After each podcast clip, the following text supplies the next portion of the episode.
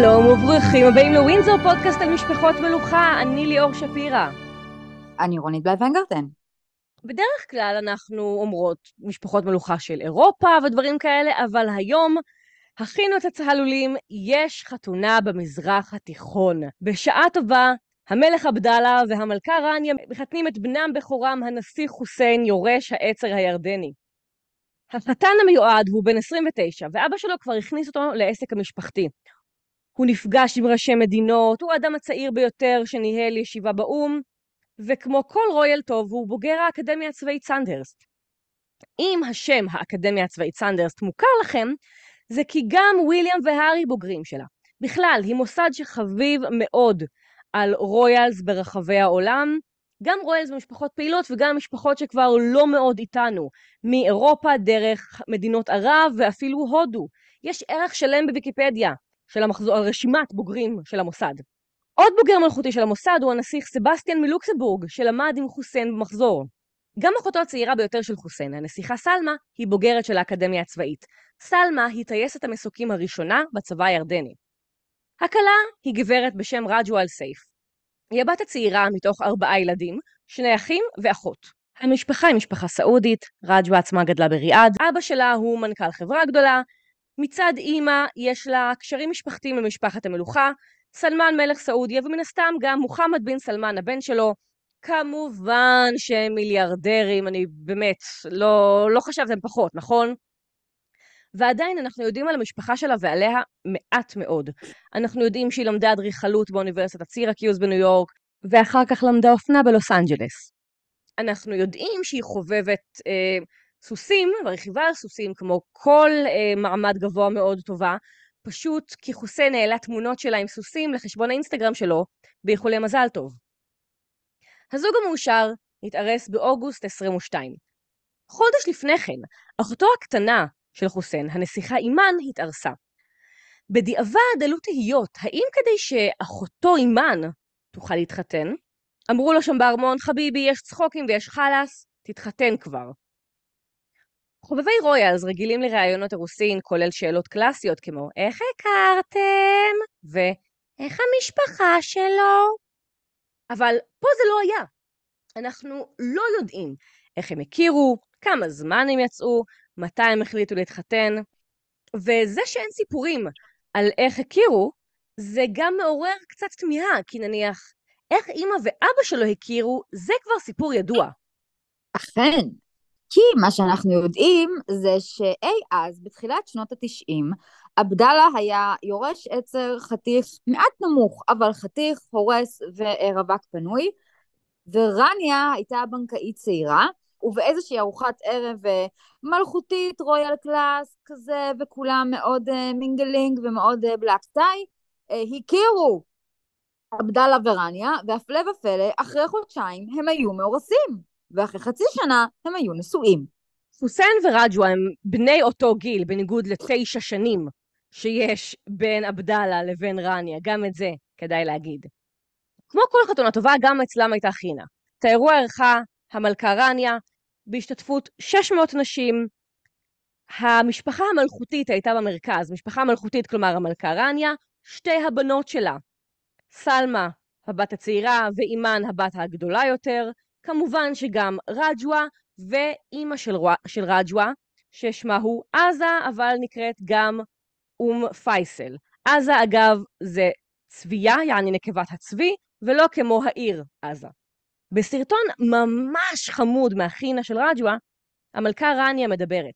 היא אומרת כמה שהיא אוהבת את רג'ווה וכמה שהיא שמחה. היא אומרת שכמו כל אימא, גם היא דמיינה את הבן שלה מתחתן, ושהיא לא יכולה לדמיין מישהי יותר טובה מרג'ווה.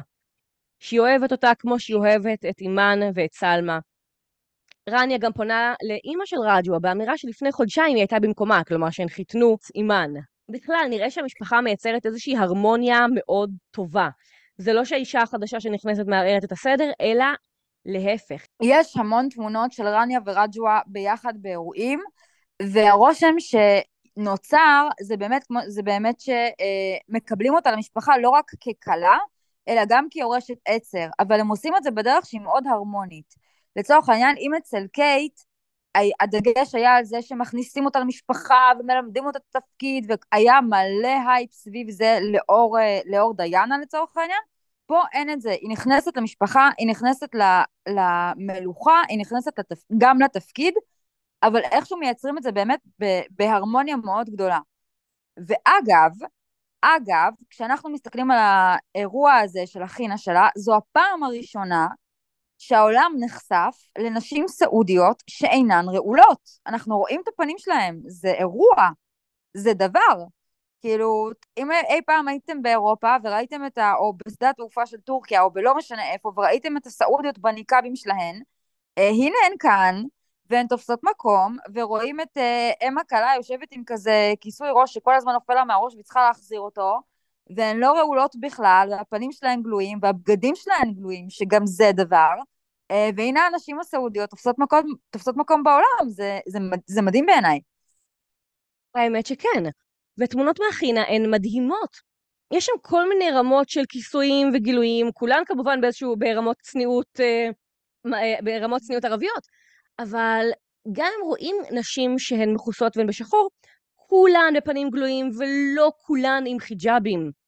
אה, גם את, סמלה, את, אה, את השמלה של רג'ווה לחינה עיצבה לה מעצבת סעודית, שזה מטורף, כי יש מעצבות סעודיות, זאת אומרת, יש... אותי זה נורא מרגש, לא רק בתור חובבת רויאלס, אלא גם בתור חובבת אופנה, ובאופן כללי, אה, לא, לא היה לי מושג שיש מעצבות סעודיות לצורך העניין, ושהן מייבאות ועושות דברים.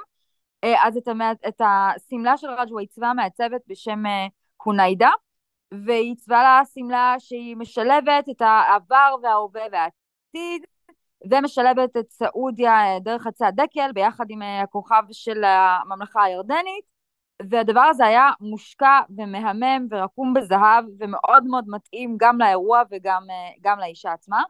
החתונה שלהם תתקיים ב-1 ביוני בארמון זהרן של משפחת המלוכה. לחתונה יגיעו כל מיני A-ליסטרס מלכותיים, לחתונה הגיעו כל ה-A-ליסטרס המלכותיים, שבשבילנו זה הכי קרוב שנראה אותם, כי אם את לוקחת משקפת מאילת, את כנראה תראי את כולם מגיעים. ומי ומי. אה, יש לנו את אה, מרי ופרד מדנמרק, שמייצגים את, אה, את מרגרט שלא יכולה להגיע. יש לנו את, את ההולנדים, את וויליאם אלכסנדר ומקסימה, ביחד עם אמיליה יורשת העצר. יש לנו את כל החשודים הרגילים האמת, ו... מה שאנחנו לא יודעים זה מי יגיע מטעם הבריטים. וזה מה שמערער את הספקולציה, כי הם אמורים להגיע, אבל לא אמרו את מי הם שולחים. זהו, האם נראה את וויליאם וקייט? זו שאלה טובה, באידאל היינו חושבים שכן. קייט באופן כללי מאוד מחבבת את ירדן, היא העבירה שם כמה שנים בתור ילדה מהעבודה של אבא שלה, והתמונה המשפחתית של חג המולד 2021 הייתה תמונה משפחתית שלהם מפטרה. אבל כאמור, אנחנו ממש לא יודעים מי הולך להגיע. אחרי שדיברנו על הזוג הצעיר, בואו נדבר על הורי החתן, משפחת המלוכה של ירדן, ההאשמים. היי נורית יוחנן, כתבת הפלסטינים של כאן 11. היי, וכזה בזמני הפנוי עם אובססיה קלה למשפחת המלוכה הירדנית. איזה כיף שאת כאן, אנחנו באובססיה קלה למשפחות מלוכה what so ever, אז תודה רבה שאת מחכימה אותנו. Uh, שאלה ראשונה, בעצם מי הם לעזאזל ההאשמים, איך הם הגיעו לירדן, איך הם הגיעו למלוך שם, ואיך הם קשורים לכולנו, אם בכלל. אז זהו, אז באמת השאלה איך הם הגיעו לירדן אה, היא שאלה חשובה, כי הם לא בירדן המון זמן, הם אה, בירדן בערך מאה שנה. אה, במקור המשפחה הזו לא מירדן, היא, היא מאזור חיג'אז, סעודיה של היום, והיא היא מודרנית במונחים של משפחת מלוכה, זאת אומרת הם, הם שולטים בקושי מאה שנה והם דומים לשושלות אחרות שפשוט כבר לא קיימות יותר, זאת אומרת אה, מלכים שהיו בסוריה, אה, עיראק, אפילו מצרים, ופשוט השריד האחרון שנשאר זה הירדנים, שמי שהמליך את כולם או סייע לכולם אה, להגיע למלוכה הזאת זה הבריטים. הבריטים אחרי מלחמת העולם הראשונה חילקו מחדש את מפת המזרח התיכון, בדיעבד באופן מאוד שרירותי, בלי להתחשב במי שגר שם ובאיזה אוכלוסיות הם מערבבים ומפרידים, ואז הם גם שמו עליהם מלכים.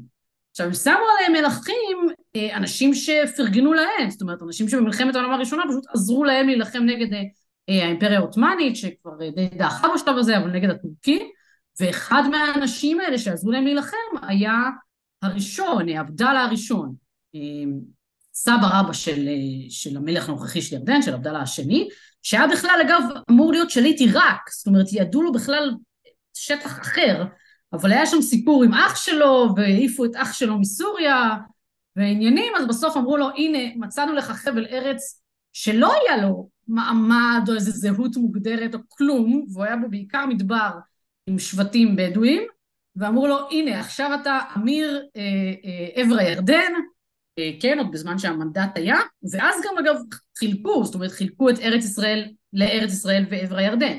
אה, אבל ככה הוא התחיל למלוך בעצם, אה, שוב, כשבמקור הם, הם משפחה עם ייחוס, כן? הם משפחה שהם מיוחסים לנביא מוחמד, והם הרבה שנים, כבר כמה מאות שנים, סוג של סמכות דתית כזאת בערים הקדושות בחיג'אז, במכה, במדינה, אבל מלכים הם לא.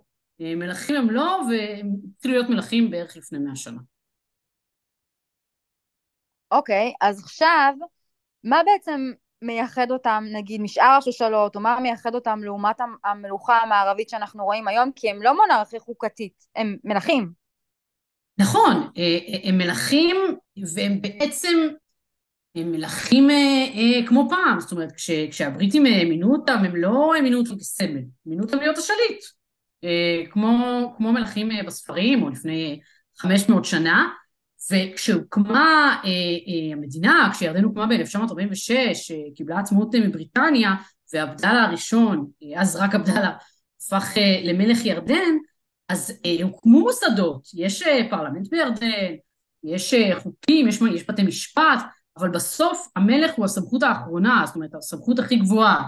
אה, הוא יכול להדיח את ראש הממשלה, והוא יכול, אה, הוא המפקד העליון של הצבא, בעצם כל ההחלטות הכי חשובות בסוף בסוף הוא יצטרך להחליט עליהם, אה, כשזה כמעט הפוך, אומרת, הסמלים פה הם, הם המוסדות היותר דמוקרטיים, הסמלים פה הם, הם אה, ראש הממשלה, הם השרים, הם הוועדות, אה, ברגע שהוא פחות אוהב את זה הוא פשוט יכול להחליף אותם, כי הוא המלך.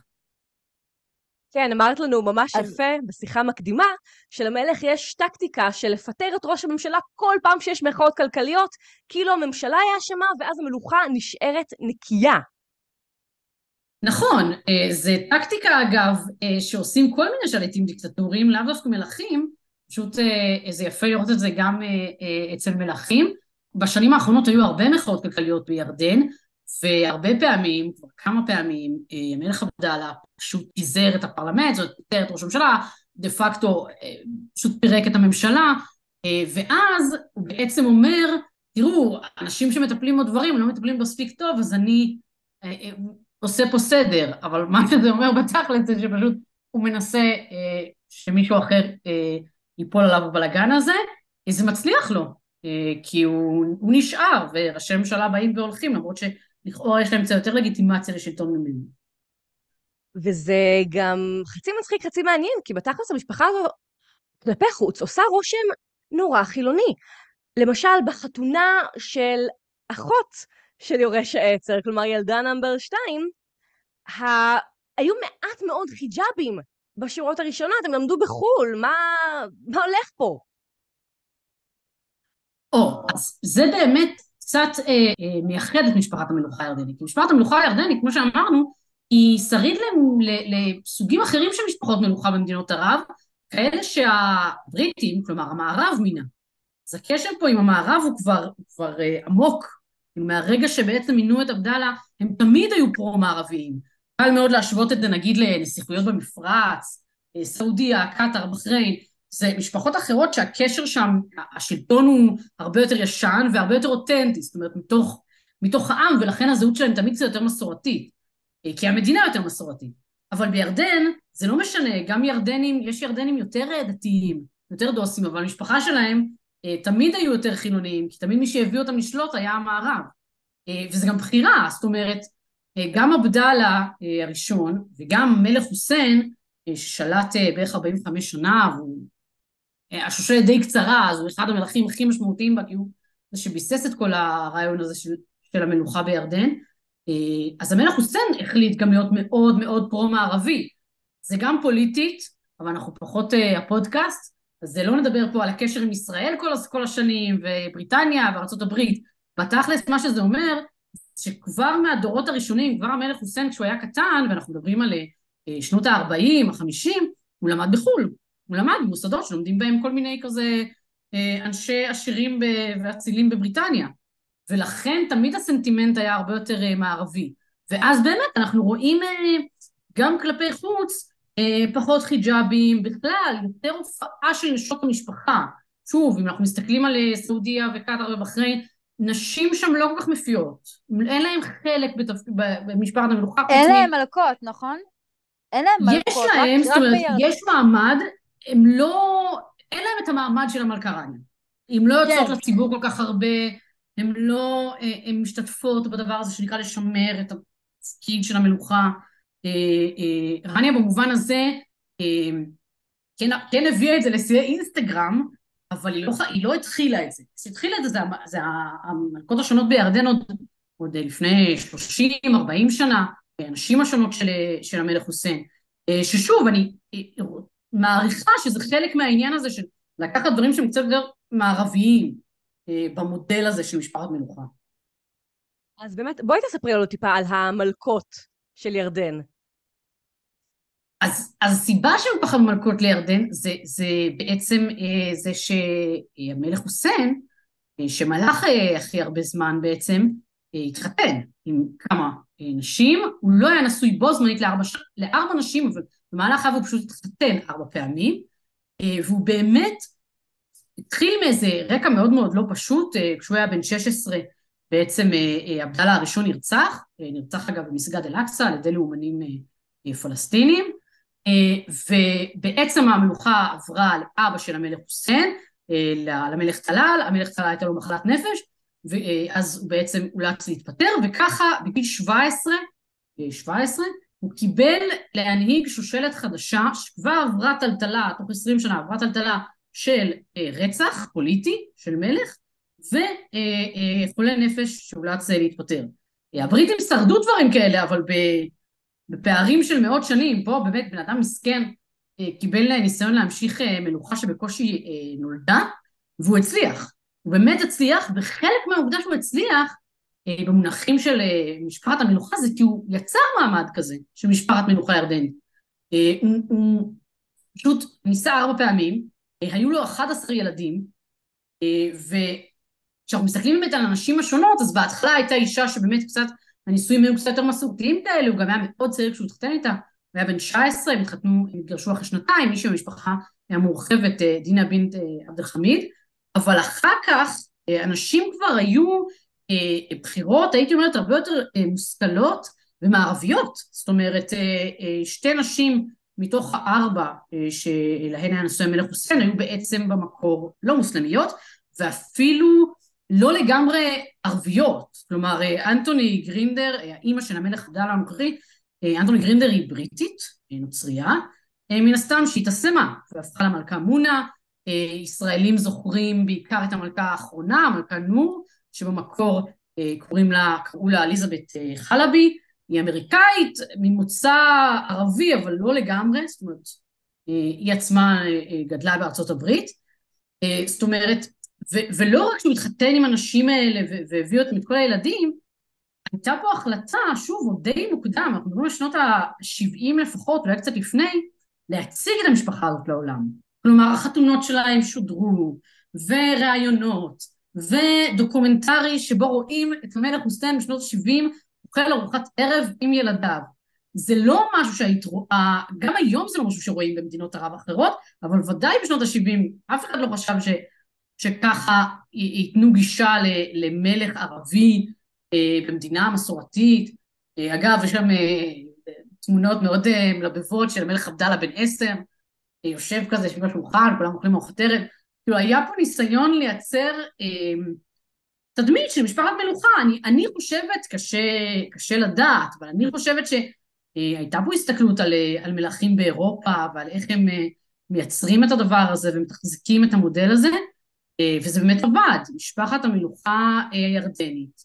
היא באמת אה, משפחה, כלומר זה עובד, זה לא רק שליט אחד, זה, זה, אה, זה אפילו עובד כי, זה אפילו אולי קצת יותר קל, כי מדינה ערבית, קצת כמו בישראל, המשפחה זה משהו נורא חשוב, וזה כזה נורא יפה, והמשפחה שלנו, ותמיד זה מזכיר לנו את, ה, את, ה, את עצמנו, ואפילו בחתונה של, של הנסיכה אימן, ראו את זה, כאילו האח ליווה את חותו לחופה, ואז כל המגישות כזה מתמוגגות, מדברות על אהבה בין אח לאחותו, וזה, כאילו זה עובד, זה מייצר כזה, איזה מין אהדה כזאת, אה, וגם אנשים מזדהים עם זה.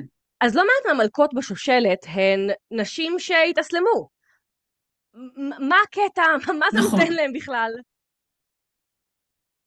תראי, אה, להיות מלכה זה נשמע לי אה, די כיף, ולכולם היה כבר קשר מסוים עם ירדן. זאת אומרת, אה, גם אנטוני גרינדר, גרינדר הבריטית וגם אליזבת חלבי האמריקאית, הייתה שם איזושהי היכרות מוקדמת, ההורים שלהם הרבה פעמים היו דיפלומטים, דברים מהסוג הזה, אפילו כזה נציגים שקשורים לירדן.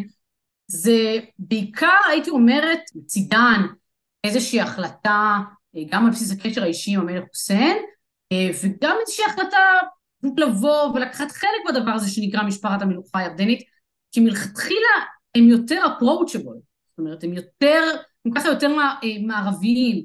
זה לא כמו שאישה מהמערב, מאירופה, תבוא תתחתן פתאום עם מישהו מהמפרץ, חוקים יותר נוקשים, ויהיה לה באמת איזה שינוי תרבותי שהיא לא תוכל לעמוד בו. גם ככה, את יודעת, את שולחת את הילדים אה, להארו, והיום לג'ורג'טאון, וכל מיני כזה מוסדות כאלה, שגם ככה היית שולחת את הילדים שלך כי את שירה, ואת, אה, אה, ויש לך כסף ואת במערב. והנורמות יותר פשוטות, זאת אומרת, באמת לא דורשים ממך, לא ידרשו ממך ללבוש חיג'אב, ומצד שני, את, יש פה את היוקרה המאוד הגיונית של להיות מלכה. אה, אז מבחינתם זה ווין ווין, כי אה, משפחת המלוכה הירדנית היא, היא קצת עם הקסם הזה של הערביות, הייתי אומרת, אבל בלי באמת המחיר של המסורתיות, אה, לפחות מבחינת מקום לנשים ודברים כאלה. וזה מעניין, זה מעניין כי באמת זה לא תמיד תואם את הירדניות. הירדניות רגילות, בסופו של דבר, בין אם ממוצע פלסטיני, בין אם עבר ירדניות, כנראה יותר מוסלמיות, יותר דתיות, אה, פחות אה, יעשו דברים כמו להציג אותם לציבור, אה, תלוי איפה, אבל יש בטח אוכלוסיות יותר שמרניות. אנשים שכאילו מייצגות את הירדניות, הרבה יותר פתוחות מהן, אבל זה עובד. בפער הזה, בין, בפער הזה בין האירופאיות לערביות, יש לנו את המלכה רניה, שהיא במקור ממשפחה פלסטינית, היא גדלה בטול כרם, כאילו היא גדלה ליד נתניה. איפה... זהו, אז היא, היא לא בדיוק גדלה בטולכרם, היא גדלה במפרץ. אה, מלכה רניה היא בת להורים מטולכרם שהיגרו לכווית, כמו הרבה פלסטינים אגב, אה, שהיגרו למפרץ בגלל עבודה, אבל כן, יש פה את הזווית הפלסטינית. עכשיו, הזווית הפלסטינית זה לא התחיל עם רניה. אה, אשתו השלישית של המלך חוסיין כבר הייתה ממוצא פלסטיני, משפחה, משפחה טוקן, משפחה מאוד מוכרת בשכם, וגם משפחה עם כזה יוקרה. אומנם יוקרה מקומית פלסטינית אבל גם, אה, אבל המלכה רניה באמת הביאה את זה לשיא, כי המלכה רניה היא א' המלכה היחידה של המלך עבדאללה, המלך עבדאללה לא התחתן אה, אה, עם מישהי אחרת, וגם היא אמו של יורש העצר, של הנשיא חוסיין של החתן. אז יש פה, ברגע שהיא נכנסה, הייתה פה שאלה, זאת אומרת, מלך הבא של ירדן הוא חצי פלסטיני, כן? זה, זה תמיד החשש, זה אפילו היה קצת, תמיד יש דיבור על זה בישראל, האם זה ישפיע על היחסים וכולי. בפועל, אני יכולה להגיד שמשפחת המלוכה הירדנית מאוד אה, שומרת על עצמה ירדנית, דווקא בגלל שהזהות שלהם היא לא כזאת ירדנית במקור. הם אה, בסך הכל מאזור סעודיה, אבל הם מציגים את עצמם כמאוד ירדנים, אז יורש העצר, גם כשהוא מתייחס קצת לפלסטינים, קצת להר הבית, וממש מעט, וממש בשנים האחרונות, הוא מדבר על זה כירדני, הוא לא ידבר על זה כ... כמישהו עם סבא וסבתא מטול כרם, זה יכול לעשות בלאגנים, זה יערער את כל המעמד שלהם, פנימה וכולי, אז הם מבחינתם אה, אה, אולי יש לה שורשים, אבל המלכה רנה ירדנית, ואסור להגיד אחרת, ונשיא חוסיין ירדני מאה אחוז, אה, והקשר פה לפלסטינים הוא תמיד כאיזה משהו של אה, אחינו, מעבר לזה, בצד השני של הגדה, לא, לא מדברים על זה כאילו הם בעצמם פלסטינים, בכוונה. וואו. יש לך עוד דברים אחרונים להוסיף? כן, האמת שבדרך כלל השאלה שמדברים עליה עם מלכים, אה, היא באמת כמה, כמה שונאים אותם, זאת אומרת, כמה, כמה באמת זה, זה פחד וכמה יש פה איזה עדה, כי אין להם, אה, הם לא נבחרים כל ארבע שנים. והאמת שהירדנים, אין סקרים במדינה הזאת שמראים כמה אוהבים אותם, בכוונה נראה לי לא עורכים משהו כזה, אבל את המבחן הכי גדול אה, שעבר העולם הערבי לפני יותר מעשור, את האביב הערבי, הם שרדו, והם, ושליטים אחרים יסודות הרבה יותר דמוקרטיים כביכול, בלוב, בתוניסיה, באלג'יריה, כולם נפלו, ומשפחת המלוכה הירדנית נשארה. וכשרואים מי שרד בעולם הערבי, ירדן והרבה נסיכויות במפרץ, אז אחת התיאוריות שהתפתחו עם השנים על למה באמת אף אחד לא הדיח אותם ולמה ההפגנות אף פעם בירדן לא הגיעו לאיזה שיא של אה, לצאת ולהפיל את המלך, כי כנראה יש בזה משהו שכבר נכנס יותר פנימה לתוך האנשים. זאת אומרת, ירדנים זה לא שהם צריכים מלך, אף אחד מאיתנו לא צריך מלך, אבל זה נוח, וזה נוח שהם שם, והם כבר עשו איזה מין אה, איחוד כזה עם הזהות הלאומית, וירדן זה קצת המשפחה הירדנית, והמשפחה הירדנית זה ירדן. אה, ויש מדי פעם קולות, אה, אפילו היה ניסיון, ניסיון הפיכה לפני כמעט שנתיים, של אחד מאחיו של המלך עבדאללה אגב, אבל בסופו של דבר, למרות כל החסרונות, נראה שהציבור אה, אוהב אותם ככה, עם האינסטגרם שלהם, ועם היוקרה הזאת, ועם קצת כזה אהבה כוכבים שהם מדי פעם כזה מעיפים עליהם.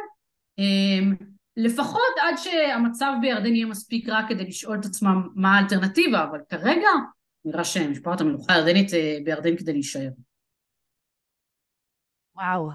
תודה, תודה, טוב תודה, שכך. וטוב שכך. נורית, מי שרוצה להמשיך לעקוב אחרייך, איפה הוא מוצא אותך? אני בעיקר אה, בטוויטר אה, וגם אה, בפייסבוק אה, בדף שנקרא אה, סבח אל-נורית, שאין לי קרדיט על השם לצערי, אה, ויש גם אה, אתר, אבל הלינק שלו בטוויטר, אז תכלס, אה, כמו כל אה, עיתונאי, אני מזמינה אנשים לרשת הנוראית הזאת. בואו, נהיה זוועה ביחד. וגם בכל הדברים המגניבים שאת עושה בכאן. כן, כן, זה, זה ודאי. כאן 11, כאן רשת ב', תאגיד השידור הישראלי. מדהים. תודה רבה לכם שהייתם איתנו. תודה רבה, רונית, כרגיל. תודה רבה, נורית. תודה לכם. ניפגש בשמחות. ניפגש בשמחות. מישהו יזמון לחתונה, שישלח לי. כן. כולו. Bye!